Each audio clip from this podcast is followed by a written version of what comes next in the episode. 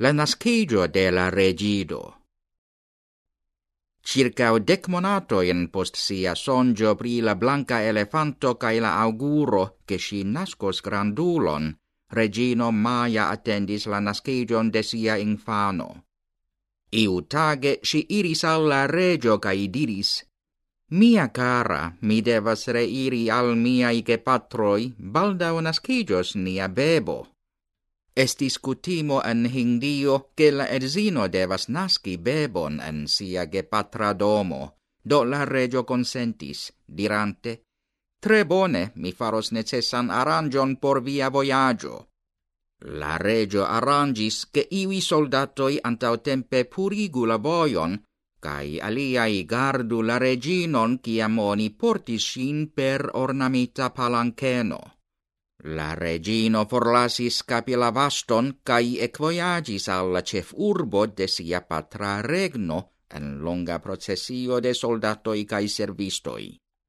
La granda processio preter iris giardenon nomatan Parco Lumbinio sur la vojo alla regno Coleo. La giardeno estis proxima alla reglando nomata Nepalo ce la piedo de la montaro Himalajo. La regino absorbigis de la bela parco cun sala arboi, aromai floroi, viglai birdoi cae laboremai abeloi. Si do haltigis la portistoen de la palanceno por iom riposi, char la parco estis bona loco por riposo. Ciam si estis sub sala arbo, si accusis belan bebon. Estis fortuna tago, La accuscio de la regino occasis en plen luna tago de iaro 623 antau Cristo. Nun oni celebras la tagon kiel vesacon, la festo de la tri gravai eventoi, kiwi estas la nascegio, illuminigio cae nirvano de la Budho.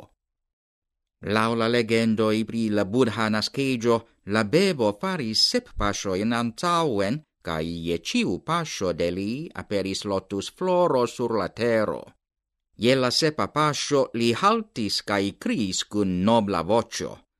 Mi estas la cefo de la mondo, mi estas la plei granda homo en la mondo, mi estas la plei eminenta homo en la mondo, jen estas mia lasta nascegio, cae mi ne plu revenos. Regino Mahamaya tui revenis al capilavasto post la nascegio de sia filo. La regio gioiegis pro la informo. La novajo pri la nascigio de la longe attendita bebo ancaut circulis en la tutta regno, cae gioigis ciuin homoin.